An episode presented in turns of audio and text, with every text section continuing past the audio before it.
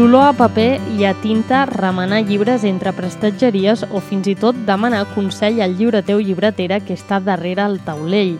Ja fa temps que hi ha moltes persones que diuen que les llibreries acabaran desapareixent. No sabem si això passarà, però és cert que a Tarragona en queden dues. Bueno, tenien el local aquí a la Rambla i mon pare era mestre a l'Institut del Vidal i Barraquer i llavors, pues, bueno, un interès sempre pels llibres. Ma mare era filla de farmacèutic, van, van estar discutint si ficaven farmàcia o ficaven llibreria. Bueno, per farmàcia es necessitava la titulació i al final va la llibreria. Sí, sí. Llavors al matí mon pare estava a l'institut i a la tarda estaven per aquí a la botiga. La Gertri Atzarà està al capdavant de la llibreria familiar Atzarà de Tarragona. Es va fundar l'any 1966, fa 55 anys, pels seus pares amb la intenció que quedés arrelada al seu entorn i fos oberta a la ciutadania. Bueno, ha tingut pujades i baixades, que ha canviat molt les temàtiques de, que, que ja tenim exposades, perquè va en funció també de l'evolució social, no? les temàtiques, encara que no ho sembli ha canviat la manera de comprar de la gent, eh, jo crec que ha anat canviant, que és un reflexe de la societat, no? Tothom que pensi, doncs mira, la societat ha canviat així, doncs la llibreria ha canviat igual. Tot és un reflexe de la societat, tal com va, no? I si parlem de la llibreria Atzara, no podem deixar de banda la Capona. Al seu capdavant, entre dues persones més, hi trobem el Pitu Rovira, que a més és el president del Gremi de Llibreters de Tarragona. Bueno, aquesta aventura va començar arrel d'una crisi d'una altra llibreria, de la llibreria VIP, amb la qual nosaltres ja hi portàvem doncs, com, a, com a 20 anys allà, allà dins, o sigui que la trajectòria eh, vital nostra és de més de 40 anys amb el món del llibre, i bé, ve d'una crisi d'una crisi d'aquella llibreria en la qual en sortim, en sortim tres, tres integrants d'aquella llibreria i en muntem una altra. I així són els inicis, així de, així de, diguem-ne, de fàcil i, tant, i, i de real i amb molts esforços i amb molta, i amb molta il·lusió perquè era començar un projecte nou si no des de zero perquè el coneixement el tenies, evidentment, però sí des de zero el projecte empresarial, no? De zero, zero, però de zero. Concretament, la llibreria La Capona va obrir les seves portes l'any 1997 amb un compromís amb la cultura i la llengua. Han passat més de 40 anys. Mira, eh, jo penso que ara, que, ara vist, vist així a, a molt llarg termini, si ho comparem amb la manera de funcionar d'avui en dia de la integració en llocs laborals ja, ja hi entres amb una, amb una formació i ja hi entres amb, un, amb una idea perquè aquella, aquella cosa t'agrada i ja està no?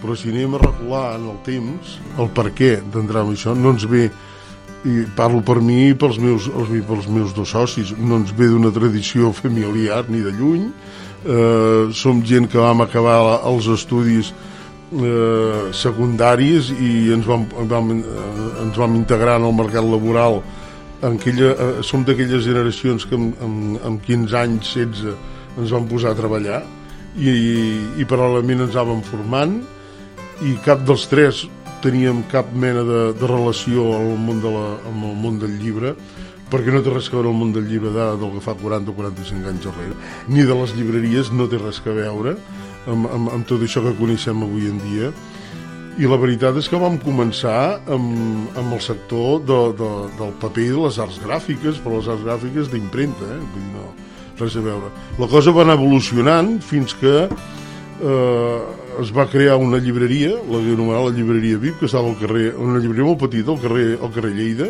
que després va passar al carrer Gasòmetre, curiosament,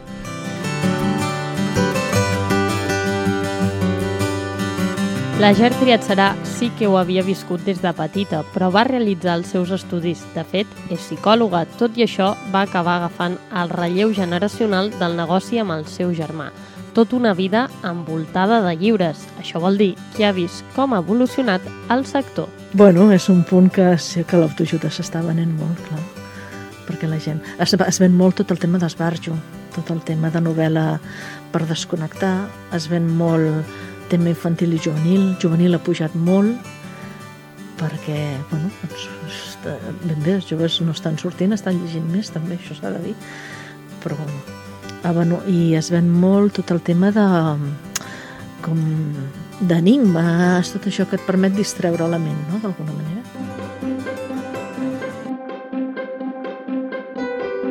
El mercat ha canviat i les temàtiques i persones que escriuen han augmentat considerablement. A més, els hàbits de lectura també són diferents. Els llibres electrònics s'han obert pas i les noves tecnologies també han tingut incidència en aquest àmbit. Només fa 30 anys no hi havia la llau de novetats, ni la llau d'escriptors de, de, i escriptores, ni, ni d'editorials, ni tot això. Sí que hi havia moltes editorials, però eren d'una altra dimensió. El gran canvi que hem, que hem notat és que s'han hi ha, hi, ha dos, hi ha dos nivells, els grans grups editorials, els grans grups, que són multinacionals, i les editorials petites, això per, per, per, per part del sector editorial, i pel sector de les llibreries, doncs eh, també trobe, podem trobar aquestes dues, aquestes dues vessants. Hi ha les llibreries com, com la, les d'aquí de Tarragona, l'Atzarà i la Capona, que són unes llibreries, diguem-ne, mitjana grans, i després això ha evolucionat cap a grans, cap a grans llibreries de, de, que normalment estan a les grans ciutats, no? Barcelona, Madrid, a Sevilla, Màlaga, València, grans, que, que algunes pengen de grans grups editorials, com Casa del Libro. La pandèmia ha fet que l'hàbit de lectura hagi augmentat, ja que la gent ha tingut més temps lliure. A més, la literatura infantil i juvenil ha vist com s'han multiplicat els seus títols i les opcions que tenen són més grans.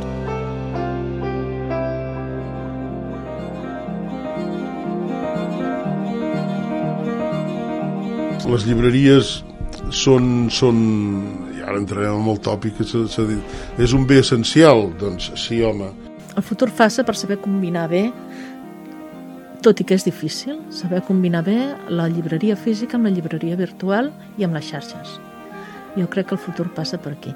I la connexió no només... La connexió que tu tens en, en la gent, en el lector, diguéssim, que no sigui només la física que ve aquí, sinó també tenir una bona connexió via xarxes i jo crec que passa per aquí. El que passa que, clar, nosaltres som llibreters, no som community managers. I a vegades això se'ns fa difícil, se'ns fa difícil la manera, saber captar la manera de fer-ho, no? Però bueno, ho anem intentant, intentem estar una mica al dia, la Cambra del Comerç fa molts cursos, la PIMEC fa molts cursos, només que et vagis posant una mica al dia, jo no et dic que sigui el 100%, però bueno. De moment, només un 10% de la societat llegeix a través d'e-books i els llibreters estan molt convençuts que no acabaran amb el paper. Però què seria d'una ciutat sense llibreries? Morta, seria una ciutat morta. Jo no sé si la gent li dona prou importància o no, no.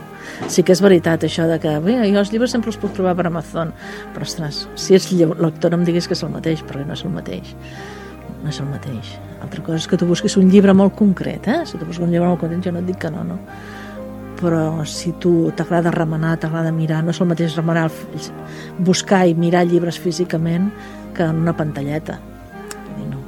Perquè jo compro llibres per pantalleta i compro llibres de les dues maneres. Quan he de comprar llibres, els, els representants m'ho ensenyen de les dues maneres o m'ho ensenyen físicament en catàleg o m'ho he de fer jo per la pantalla no compro de la mateixa manera i si jo ho faig com a llibretera el, el, el lector igual, no? penso. Li faltaria alguna cosa sense voler despreciar ningú, eh? però una, una ciutat, vull dir, algú s'imagina una, una ciutat sense comerç que malauradament sembla que, que, que la societat anem cap aquí, no? Vull dir, el, el, el, els grans centres comercials, allunyats del centre de la ciutat. Llavors, el que estem fent, eh, si això no, no, no s'atura d'alguna manera, i això qui té l'eina per aturar-ho no són les administracions, sinó que és el propi consumidor, som nosaltres els que... Eh, que, que han d'existir els centres comercials, sí, però que ha d'existir el comerç als centres de les ciutats o als barris de les ciutats, doncs, doncs sí, que, que passaria en una ciutat sense llibreries. Doncs el mateix que li passaria en una ciutat sense restaurants una ciutat sense sabateries una, una ciutat sense lloc on poder-te comprar la roba. Que, que la, que el fet diferencial de la llibreria perquè té aquesta, aquesta aureola i aquesta pàtina de cultura i de, i de formació de la gent i de pensament, evidentment que sí. I que ens seria més difícil trobar, trobar els llibres, evidentment perquè els hauríem d'anar a buscar en un lloc allunyat del nostre, del nostre entorn del nostre... No? jo penso que una ciutat sense llibreria és un desastre